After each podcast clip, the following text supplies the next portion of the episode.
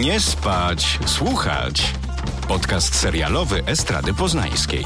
Zapraszają Pat Tomaszewski i Kuba Wojtaszczyk. Dzień dobry Państwu, witamy w kolejnym odcinku podcastu Nie spać, słuchać. E, Pat, jak to na jesień bywa, e, jest schorowany. Nieprawda, jestem jesieniarzem, to tak, ale pracuję w biurze, w którym nie ma ogrzewania, bo jeszcze się sezon grzewczy nie rozpoczął, a w domu mi się zepsuło ogrzewanie i mam teraz 14,5 stopnia. Siedzę w czapce, szaliku, dwóch swetrach. W takim oto widoku witam serdecznie wszystkie słuchaczki, wszystkich słuchaczy i wszystkie osoby, które chcą zasięgnąć wiedzy serialowej. Jestem gotowy. A gdzie moje pumpkin spice latte, Kuba? Byś chociaż się zatroszczył o współprowadzącego. Nie wiem, co to jest, nie chcę wiedzieć. Dziękuję. Właśnie sobie zrobiłem zdjęcie i wyglądam jak ta pani od gołębi z Kevina sam w domu. Nie będziemy tutaj robić jakichś y, zakusów w bok tematycznych. Zacznijmy może od nagród Emmy, które odbyły się ile? Tydzień temu? A to może zróbmy taki właśnie teaser. Kubo, o czym dziś w odcinku? No właśnie, powiedziałem. Dzisiaj w odcinku będziemy rozmawiać o E, nagrodach Emmy, które odbyły się e, w zeszłym tygodniu, jak również o dwóch nowych sezonach starych seriali, czyli The Morning Show e, na, na Apple i, i co? A, i Sex Education na, na Netflixie. No to może zacznijmy od nagród, Pat. Mm, co zwróciło Twoją największą uwagę. Pamiętam, kiedy pojawiły się nominacje, to spekulowaliśmy i mówiliśmy, że nie bylibyśmy źli, gdyby większość z tych seriali i aktorów została, została nagrodzona, bo akurat e, ładnie trafili w pozycje, które nam się spodobały. I wydaje mi się, że I'm not mad at all. Nie jestem zły. Jestem nawet zadowolony. Ja bardzo lubię kreacje w serialu Mares Easttown, szczególnie Julian Nicholson i Katie Winslet. Jesteśmy już na ty. Bardzo lubiłem ten sezon Korony i bardzo mi się podobało to, jak podeszła do roli Gillian Anderson. Dźwięk SMS-a, który usłyszeliście, to jest reakcja Kuby na to, jak nagrywam podcast. Tak. no powiedz, że nie pani od ptaka z... Pani od ptaka? Gołębniarka, tak to bym powiedział, z Kevina? Gołęb, gołębniarka, jak jesieniara. I nie byłem zły, cieszyliśmy się z niebiałych nominowanych, no ale Akademia, no i tu jest właśnie te trzy kropki, bo z jednej strony doceniła. No nie doceniła. Po prostu to był. W, w, angielskim jest takie określenie window dressing, że nominowali najwięcej niebiałych artystów i artystek, po czym nagrodzili w większości e, osoby białe, a w tych wszystkich aktorskich kategoriach e, nie wygrała żadna niebiała osoba. I faktycznie wybór był bardzo trudny. Trochę jest tak, że białe osoby powinny zrobić miejsce. No nie, nie musimy nagradzać po raz enty, czy, czy nagradzać wszystkich aktorów i wszystkich aktorki z, z The Crown, tylko mhm. możemy zrobić miejsce e, na przykład dla Michaela K. Williamsa zamiast Tobiasa e, Mancisa, który tak naprawdę no, nie nagrał się w ostatnim sezonie Królowej Korony, jak to jest po polsku? The Crown. The Crown. A Michael K. Williams w... Lovecraft Country. Zrobił w tym średnim serialu bardzo dużo. I to mnie trochę zdenerwowało. To znaczy, tak jak powiedziałeś, ja bardzo się ucieszyłem, y, chyba najbardziej, z nagrody dla Julian Nicholson y, y, za Mare of Easttown, y, jak również Jean Smart za Hacks. Mm, I faktycznie obie te aktorki były świetne y, w tych swoich serialach, ale na przykład nagroda dla Teda Lasso not so much. Że wolałem, żeby właśnie na przykład wygrała Hacks. To był dla mnie serial, y, najlepszy serial komediowy tamtego roku. Tamtego półrocza? Półrocza. Ale widzisz, no na przykład mamy, mamy nominację do e, I May Destroy You, no i dostaje tylko Michaela Cole zasłużenie za, za scenariusz serialu limitowanego.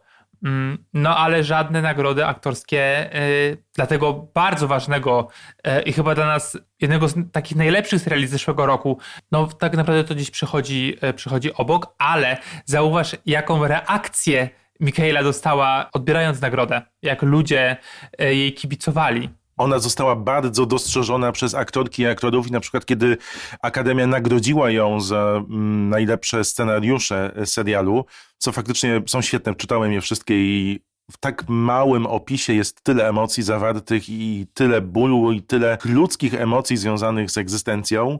Wszystkie aktorki, które posługują się kontami na Instagramie i Twitterze, zaczęły wyrażać swój, swoje wsparcie dla niej i to było super. Zresztą Olivia Colman, jak odbierała statuetkę za koronę, to powiedziała, wiesz, bardzo krótko, bo nawet niecałe dwie minuty hmm. mówiła, mówiła o tym, że straciła tatę i fuck yeah, Michaela Coel. I lost my daddy during COVID and um, he would have loved all of this and also Michaela Cole, fuck yeah. Thank you very much.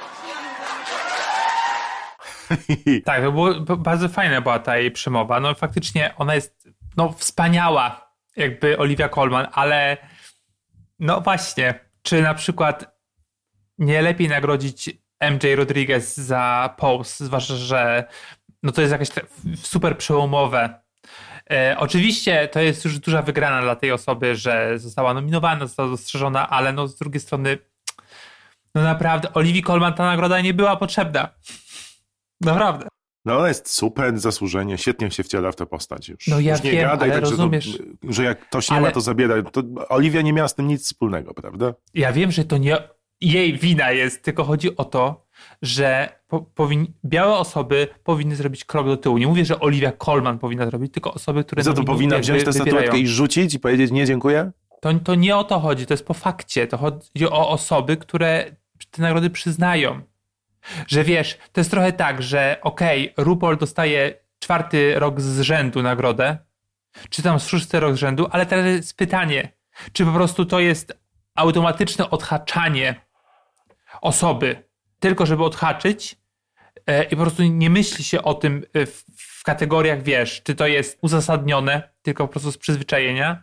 Tak samo nominuje się osoby, tak samo osoby białe e, przyznaje się nagrodę osobom białą, ponieważ tak powinno być. Dlatego, nie wiem, dostaje cała obsada Teda Lasso, czy, czy na przykład ta Hanna, jak ona tam się nazywa? O, Hanna Waddingham, ona jest super. Czy... W ogóle ta jej przemowa na nagrodach Emmy to jest jedna z moich ulubionych w historii. No,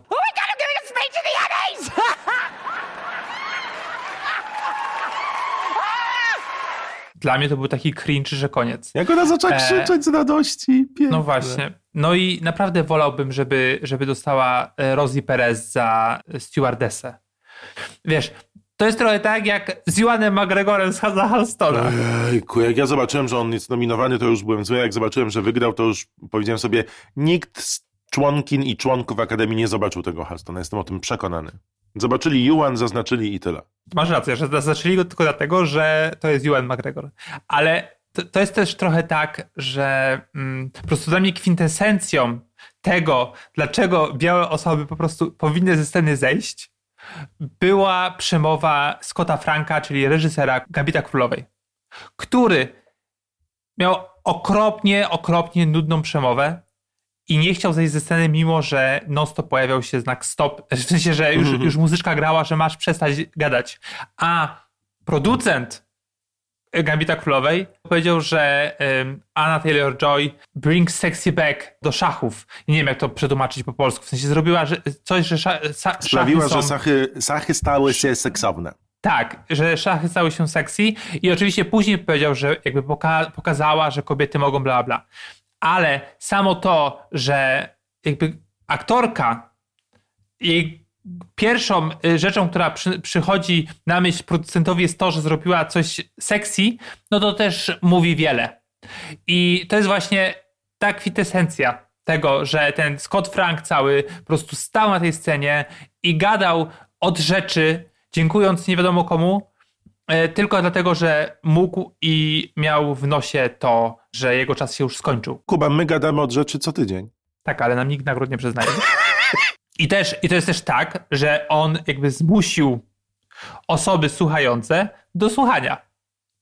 A my nikogo, nikogo nie zmuszamy do tego, żeby yy, słuchali naszych. Wie, wiem, że jakby narzekam. No co ty? Ja nie jestem zły na te nagrody, natomiast już od dawna uważam, że te wszystkie nagrody są wszystkie siebie warte. To, co stało się z globami, pokazało, że no teraz już nikt nie mówi o złotych globach i nie liczy się żadna statuetka. Zobacz, jak to, wiesz, zdeprecjonowano szybciutko, po tym jak okazało się, że tam seksizm i rasizm po prostu rządzi. Wydaje mi się też, że w czasach, w których naprawdę dużo się dzieje, ostatnią rzeczą, na którą chcę zwracać uwagę, jest to, jak bogaci i piękni wręczają sobie nagrody nawzajem. No bo to jakby nie było spijanie jest z własnych dzióbków. Cenię dosyć y, Hamiltona. To, tak, to jest musical na Broadwayu, który jest od wielu, wielu lat wystawiany, jest mega popularny, dostał bardzo dużo nagród.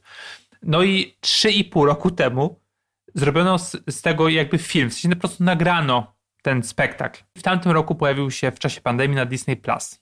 I on nagle tutaj po prostu jest nominowany do wszystkiego. Mhm. No, to nie jest film, który możemy nominować. Tak samo, no nie powinniśmy jakby nominować czegoś, co powstało 3,5 roku temu i teraz po prostu się pojawiło. Zwłaszcza, że to jest spektakl. Wylewasz tę frustrację i wylewasz. Co ci się podobało? A na przykład podobało mi się to, że za reżyserię odcinków za i w komedii, i w dramacie yy, dostały kobiety. Super. Bo Lu, yy, Lucia Anielo dostała za Hacks, za epizod There is no line. Wspaniale. A w, yy, w, w dramacie za epizod War Jessica Hobbs. Nie chcę teraz ściemnić, ale to są jakby albo pierwsze kobiety, które dostały y, albo jakby nie drugie powiedzmy, czy trzecie. Ja się bardzo cieszę, że Katie dostała nagrodę, bo zasłużyła, to jest jedna z moich ulubionych kreacji tego sezonu, jeżeli chodzi o budowanie postaci. Bardzo mi się podoba Hannah Waddingham e, w Tedzie Lasso. W ogóle to, że Ted Lasso dostał 20 nominacji i rzeczywiście zauważono potencjał w tej malutkiej produkcji Apple'a, no bo przecież w pierwszym sezonie na początku nie była aż taka popularna, potem w czasie pandemii zaczęła być bardzo popularna, a teraz przez tę swoją popularność zjada swój ogon trochę, co jest w ogóle bardzo ciekawym przypadkiem do rozłożenia na czynniki pierwsze. Bardzo się ucieszyłem z tego, że nagrodę dostała Debbie Allen, która otrzymała tą honorową statuetkę telewizyjnego Oscara, czyli Emmy. Ucieszyłem się, że Gambit Królowej dostał e, jako serial, bo mnie się bardzo podobał. Lubię bardzo Gillian Anderson, więc niech jej dają wszystko, co chce. Szczególnie za jej konto na Instagramie, nie wiem czy obserwujesz, ona jest wspaniała. Nie. No ale najbardziej chyba ze wszystkich nagród ucieszyłem się z Mikaeli Coel. Bardzo. I tym myślę, że mogę zamknąć swoje podsumowanie nagrodami. Czy to jest potrzebne? Hmm, czy fajnie, że Mikaela dostała? Tak. No ja, ja wiesz co myślę. Ty, Kuba, ale wiesz co, ale zdobyliśmy FOPA FUAE. W każdym odcinku powinniśmy dawać swoje nagrody na koniec. W każdym odcinku? No. Szalałeś. W tym odcinku wiesz, na przykład nie... nagroda za zobaczenie wszystkich odcinków dostępnych The Morning Show wędruje do Kuby Wojtaszczyka. To ja powinienem tutaj dostać naprawdę dużo nagród. No to, że obejrzałem to. Teraz przechodzimy do nowego sezonu The Morning Show, ponoć bardzo wyczekiwanego. Dwa lata nie było go na mm, naszych wiem, ekranach. Bardzo cieszyliśmy się, kiedy otrzymaliśmy informację, że Jennifer Aniston wraca do telewizji razem z Reese Witherspoon i Steven. Kto się cieszył? No daj mi, przed pierwszym sezonem nie było takiej radości. Sam mi mówiłeś, mm. że czekasz na to Morning Show y, jak jaskółka na wiosnę. Nie powiedziałbym tak, czekałem na Jennifer Aniston. No właśnie. I Steve'em Carellem i rzeczywiście było coś takiego, że u, prestiżowy dramat, Apple, mnóstwo pieniędzy, będzie to fajne. No i pojawił się ten pierwszy sezon, który miał takie mieszane recenzje w kontekście od negatywnych do pozytywnych. No chyba wspólnie określiliśmy to jako... Gówno. Taka teleno... tu ładnie maluję, jak impresjonista. Chciałem powiedzieć, że określiliśmy jako telenowelę zamaskowaną drogim budżetem. Kuba powiedział.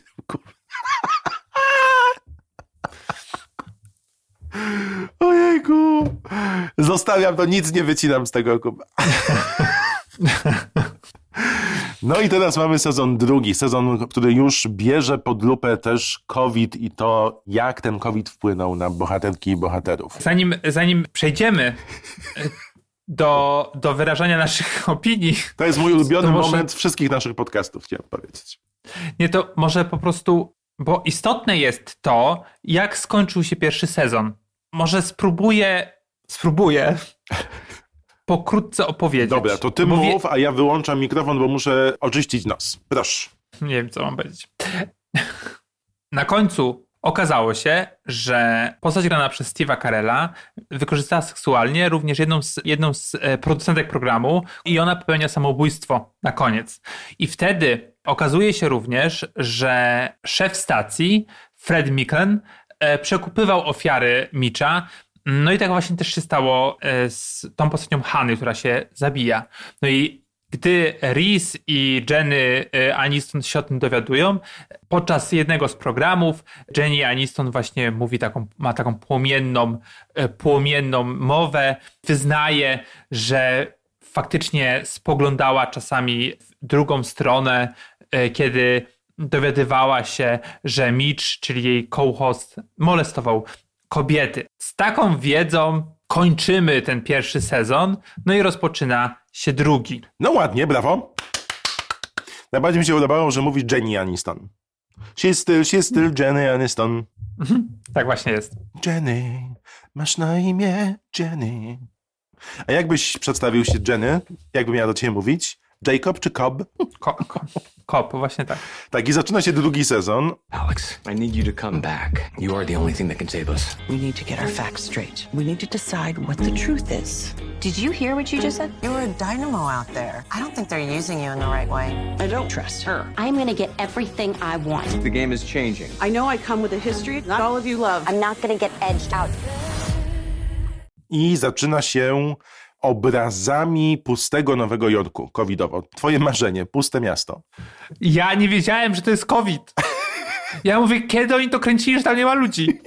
I nagle jest trzy miesiące wcześniej. Ja mówię, czego trzy miesiące wcześniej? I później sobie dopiero przypomniałem, że czytałem o tym, że to jest COVID.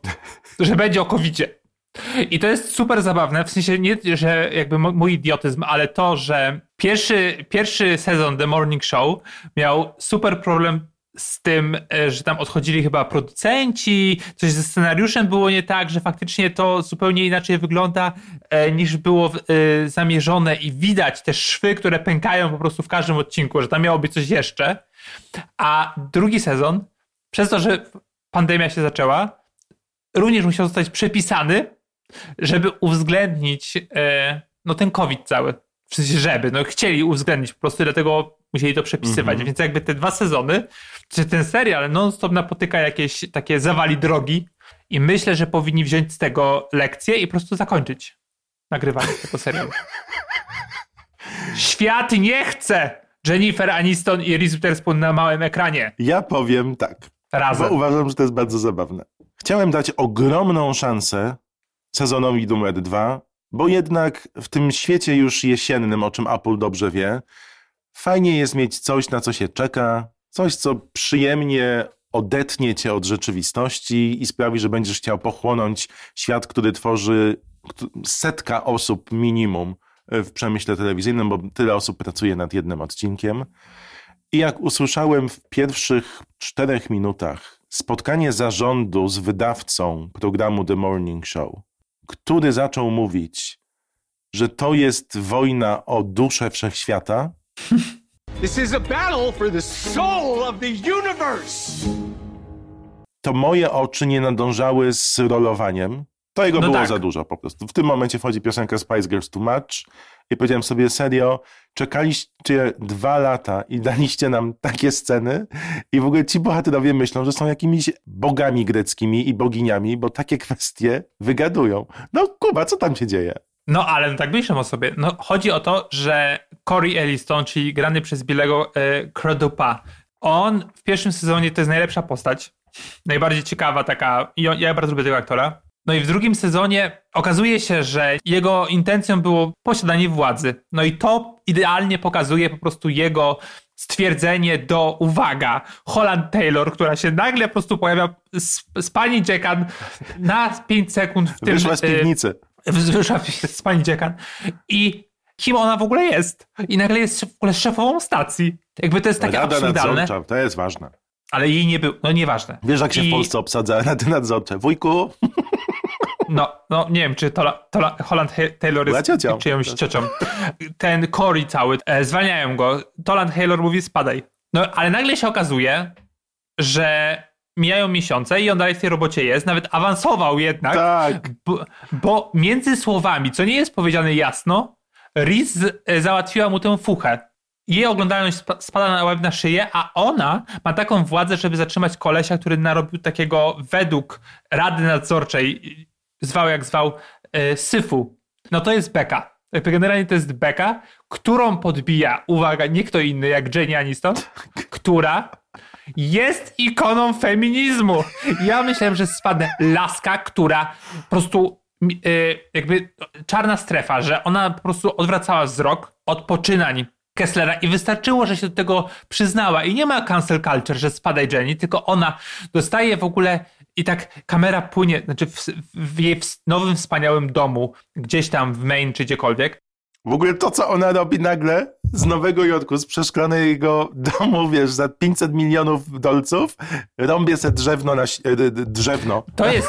Robię Ale sobie drewno mieć- na śniegu. Nie chciałbym mieć takiego domu. Drzewno? I ta kamera płynie pokazując okładki czasopism, na których ona była. No i wiemy, że była twarzą Timesa, w sensie tą człowiek, człowiek roku. Laska, przypominam, która nie zwracała uwagi na molestowanie w pracy. Cześć. I kończy pisać swoją autobiografię i jak już usłyszałem, że ona używa streszczenia jakiejś tam baśni Andersena, myślałem, że spadnę z fotela. Nie! Naprawdę nie! Mówię jeszcze raz. Nie! Mi się wydaje, że tam nie było scenarzystów, tylko aktorzy, którzy są też producentami, powiedzieli: tutaj chcę odnieść się do bajki. On chce odnieść się do wszechświata, Reese chce Tak. ratować wszystkich i będzie tak, tu jest scenariusz, nie, nie, ja coś powiem, ja coś powiem, spoko, dobra, to już mamy to, okej, dobra, no, no. Jak zaczynałem E. studia scenopisarskie, to powiedziano, że Polska jest jedynym krajem, w którym jak aktorki i aktorzy otrzymują scenariusz, to wolą zmieniać teksty pod siebie i że jest to przyjęte ogólnie. Okej. Okazuje się, że w The Morning Show robią tak wszyscy cały czas. Tak, jakby też wychodząc ze swoich postaci. Mhm. Reese dalej, po prostu to jest chyba najgorsza rola w jej karierze. Nagle z takiej, w pierwszym sezonie była taka harda, taka trochę, Tak, ale w ogóle powiedzmy, jak ją przedstawiamy w drugim sezonie. Zaczyna się od tego, że ona śpiewa i tańczy. tak, no bo chcą zrobić wszystko, chcą zrobić wszystko, żeby po prostu notowania e, powróciły, więc e, Reese ma nowego co-hosta, który, e, którego gra zresztą jeden z takich moich ulubionych komików amerykańskich, Hasan Mi- Minaj. I tutaj jest po prostu tak płaski, w ogóle bez żadnego, no nie wiem, takiego ognia. Po prostu pojawia się, no koleś, nie jesteś aż tak znanym komikiem i pojawiasz się w, w jakimś prestiżowym serialu, no to dajesz siebie trochę więcej. Jakby naprawdę, no jest to dosyć zabawne. Ale... No, dosyć zabawne. No. Kuba, Liz weszła na plan, powiedziała, słuchajcie, wiecie co, czuję się, że dzisiaj chciałabym coś zaśpiewać, zatańczyć. Robimy to. I w kontekście tego finału, o którym powiedziałeś, tych ważnych kwestii poruszonych, przecież cały e, Morning Show był pokazywany jako serial, który oswaja, pokazuje i rzuca nowe światło na wszystkie afery związane z wykorzystywaniem współpracowników na No przestępstwa seksualne. Tak to sprzedawali.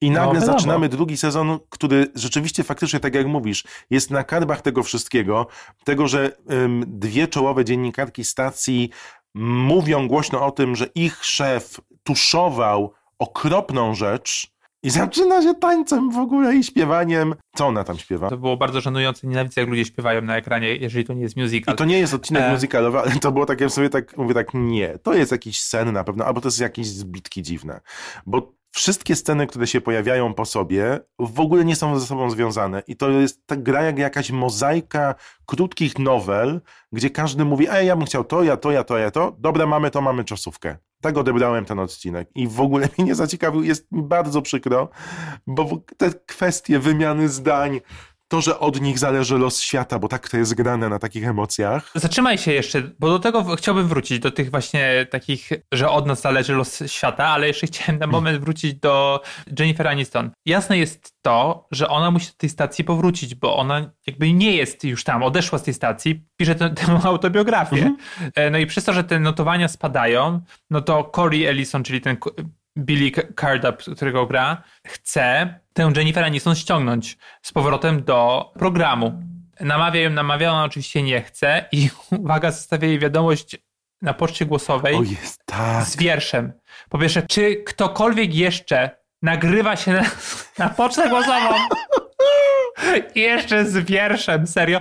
Ale nie bez przyczyny jest to, że Jennifer idzie na jakąś tam świąteczną, gwiazdkową imprezę do znajomych Tam jest wróżka! i tam jest wróżka, którą, uwaga, gra Katie Night Jimmy. Zakonnica która, w przebraniu, tak. Tak, ale ona grała czarownicę w Hokus Pokus. Tak, to prawda. I myślałem, że spadnę i po prostu ona niczym profesor Tralawni z Harry'ego Pottera dostaje takiego jakiegoś półspazmu, gdzieś tam po prostu odpada na moment i przepowiada jej przyszłość. I ja myślałem, że tam spadnę. No co to jest? Ludzie!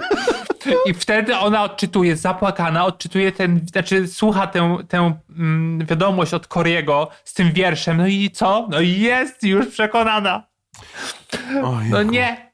I teraz to jest, to jest jak ja opowiadam, to jest taki cringe na maksa, że chciałbym obejrzeć to jeszcze raz, ale to nie jest cringe, to jest po prostu złe, to jest okropne.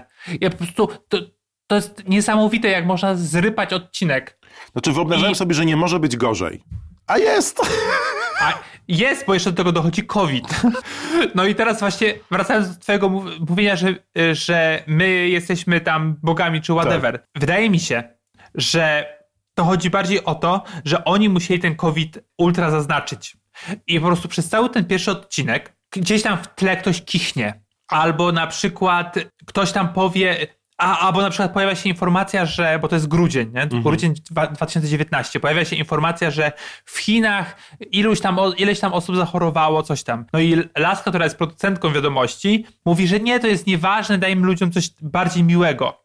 I I na przykład, wiesz, pojawia się 2020, no i wszyscy mówią, to będzie świetny rok. I to są takie właśnie małe rzeczy, które cię wyprowadzają z równowagi, bo wiesz, że ten 2020 nie będzie dobry i oni to robią specjalnie tylko po to, żeby nawiązać do COVID-u.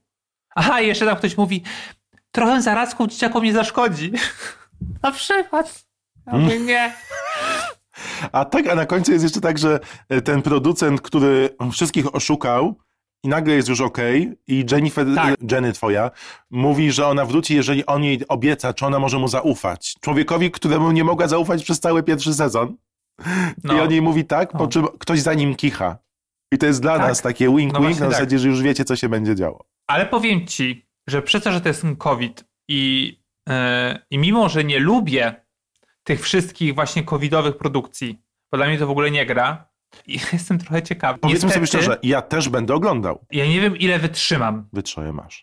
To nie będzie tak jak z ym, dziewięcioma, dziewięciorgiem nieznajomych, taki jest polski tak. tytuł, że odpadłem na tydzień i nie chcę wracać. No, to akurat rozumiem. No trochę to jest przykre, ponieważ chciałem ten serial ocenić w Letterboxie, ale zawsze to robię po całym sezonie, więc nie wiem.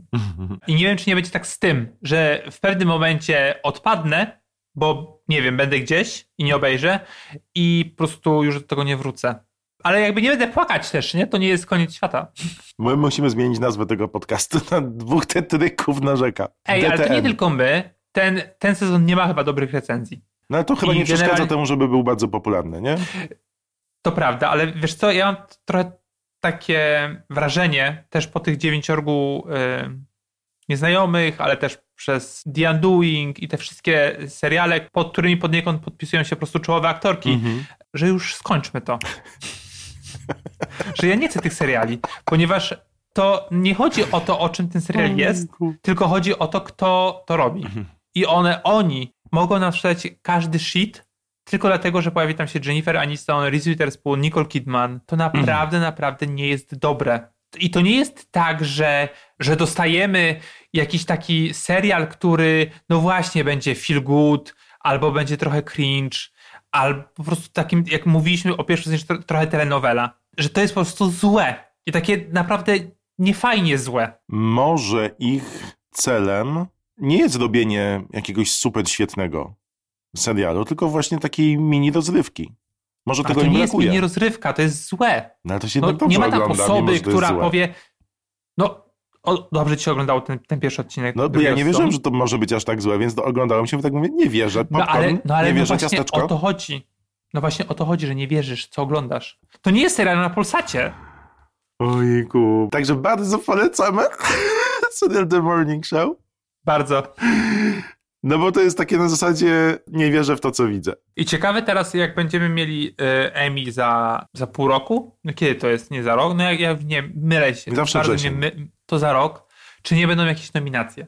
a wszyscy wiemy, że to jest marne i te nominacje będą tylko dlatego, że one są po prostu powerhouse'em. Co, wydaje mi się, że w E, tych Hollywood. 10 odcinkach będzie taki jeden, który będą, każdy bohater, każda bohaterka będą mieli taką powerful speech, taką, wiesz, mowę, która wyrazi smutek, frustrację, to, co się dzieje w świecie, albo pokowidowo, wiesz, da dużo nadziei. I to wystarczy. I to wystarczy. I to są, to jest odcinek, który będą wrzucali jako propozycję do nominacji i ten odcinek będzie dostawał. No z reguły zawsze tak jest, że w dziesięcioodcinkowym sezonie jest jeden dobry, który aktorki, bo zresztą e, aktorki i aktorzy mogą zgłosić tylko jeden odcinek do Akademii, więc może Mhm. to będzie tak. Może. Że trochę No nie mogę dobrze. się doczekać na ten odcinek, muszę powiedzieć.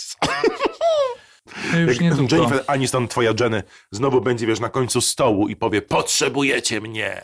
W każdym razie wy możecie już zobaczyć drugi odcinek. My nagrywamy trochę to wcześniej W jakie, dni, warto- w jakie dni jest premiera The Morning Show? w piątki. Piątki z Jenny. I z Riz. I z Reese. Wiesz, ta, jeszcze ta Je- Jennifer Aniston mi naprawdę nie przeszkadza aż tak jak Liz Witherspoon. I zauważyłem u siebie taką tendencję przez te seriale, których jest nadprodukcja, tych seriali takich niby prestiżowych, tak naprawdę po prostu tylko spuścić w toalecie.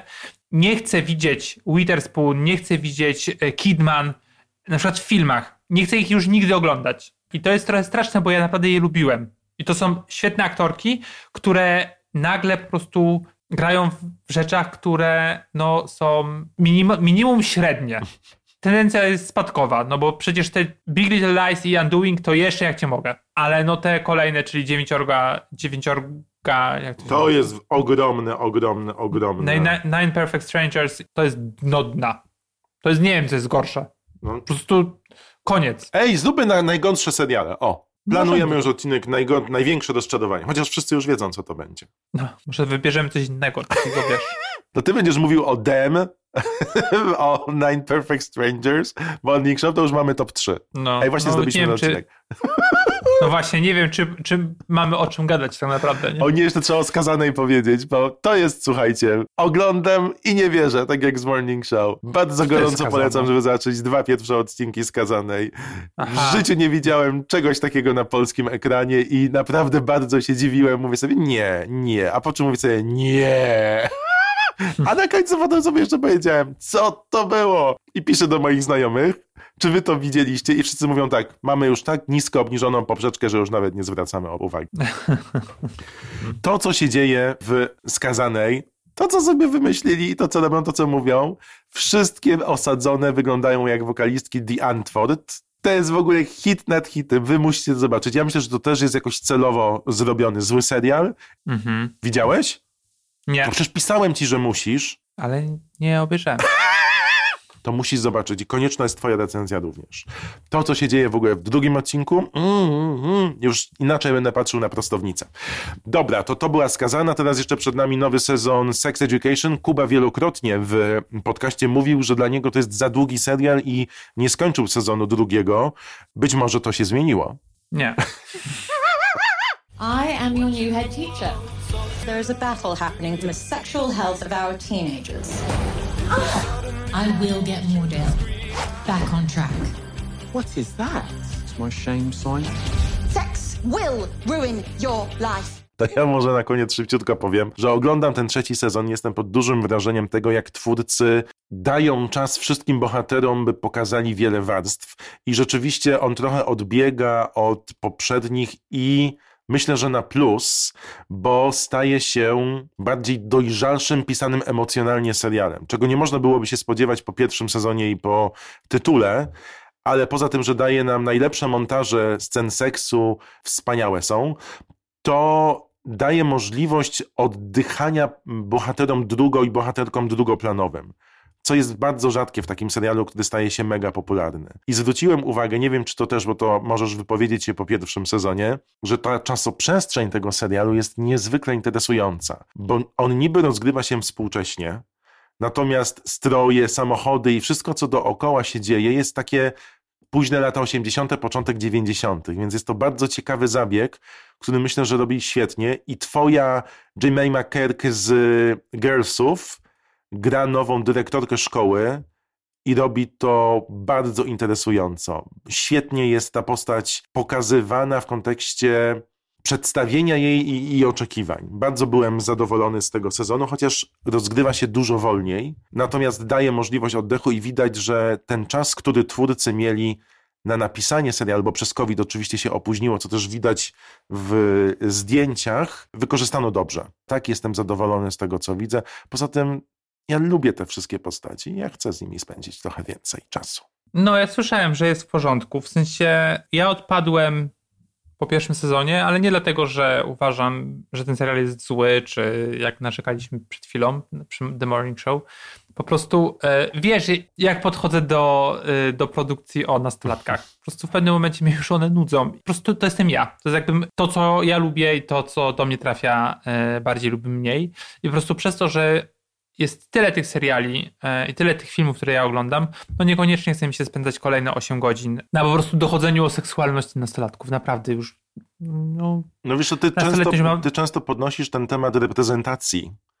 I tak, super, tak. super jest to, to ukazane prawda. właśnie w Sex Education, bo tam naprawdę jest miejsce dla każdego. To jest takie normalne i w ogóle to, jak oni mówią o seksie, o uczuciach, o wszystkim, niby taka prosta, banalna rzecz, ale jednak tak rzadko pokazywana w telewizji, że patrzysz na to i mówisz, rzeczywiście można tak fajnie, normalnie coś zrobić i powiedzieć, a tak jakoś wiesz, jest to trudne w świecie dookoła telewizyjnym. To prawda, to prawda, masz rację I, e, i to jest też świetny właśnie przykład, że można zrobić bardzo zdywersyfikowaną obsadę i pokazać i problemy, tak było w pierwszym sezonie, że pokazujesz problemy globalne nastolatków, powiedzmy, powiedzmy tak szumnie nazwijmy to globalnymi problemami dorastania, a jednocześnie mm, każdy i każda z bohaterek i bohaterów, czy biała, czy nie biała, ma swoje indywidualne e, rozterki e, i zakładam, że jest to, że jest to zachowane w kolejnych sezonach.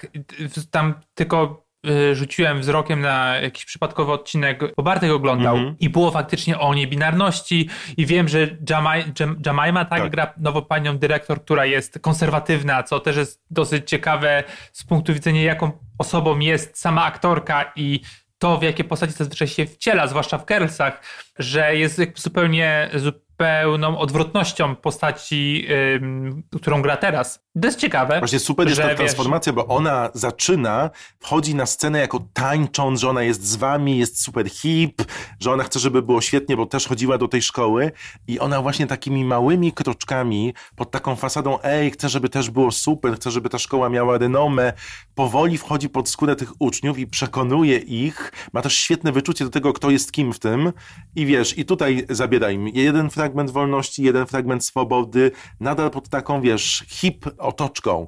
To jest bardzo ciekawie napisana postać. A potem się robi taka Umbridge, nie? Okej, okay, no więc no spoko, jakby no wiem, że są fani i fanki e, tego serialu. Ja do nich nie, nie to, że nie należy, po prostu gdzieś mi ten serial umknął i no i tego jest za dużo, żebym już wrócił. Ale tak, jakby w sensie to jest takie miłe, że, że wśród tych wszystkich e, produkcji Netflixa jest coś takiego, co trzyma poziom z tego, co mówią krytycy i krytyczki, no i porusza ważne tematy. Nawet jeżeli wiesz, jeżeli jest to obracanie się ciągle w tej samej tematyce, o to super, że jest reprezentacja przykład osób niebinarnych. No, że jakby to jest super, że osoby, które wiesz, oglądają Netflixa, nie wiem, w małej miejscowości na przykład i, i mają tę reprezentację na ekranie, co jest mega ważne, e, zwłaszcza teraz, i zwłaszcza u nas. Tak i to wiesz, jeszcze nie jest na zasadzie wyśmiewania, tylko to jest mądrze pokazane. Twórca e, serialu, czy twórczyni, nie pamiętam kto wypowiadał się w tym wywiadzie, który czytałem w e, Entertainment Weekly, mówił albo mówiła, że ten sezon jest odpowiedzią na beznadziejne lekcje o anatomii i seksualności, które w szkołach były dawane i nadal są praktykowane. I rekapitulując, ten sezon idzie i rozwija się wolniej. No wiadomo, COVID miał tutaj dużo do czynienia, ale przez to daje ogromną przestrzeń na poznanie różnych warstw i różnych problemów, z którymi borykają się postaci, które nie są głównymi w tym serialu. Co myślę, że daje bardzo dużo i pokazuje, że jest jeszcze dużo życia w, w tej produkcji i ja z chęcią pobędę z nią jeszcze dłużej. No i super. I tym samym uprzejmie dziękujemy. Ja polecam skazaną na hate watching. Bardzo dziękujemy za to, że byliście z nami. Do zobaczenia za tydzień. Dziękujemy, do usłyszenia. Nie spać, słuchać. Producentem podcastu jest Estrada Poznańska. Wszystkie odcinki znajdziesz na estrada.poznan.pl.